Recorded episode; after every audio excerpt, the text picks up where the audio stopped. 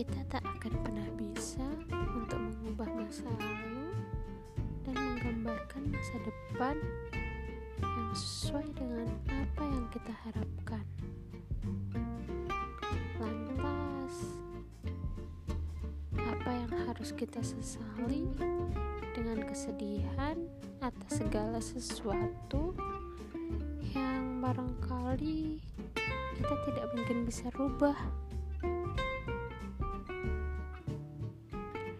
Syekh Muhammad bin Al-Utsaimin berkata, "Jika engkau yakin bahwa segala sesuatu adalah milik Allah, maka ketika Allah ambil sesuatu darimu.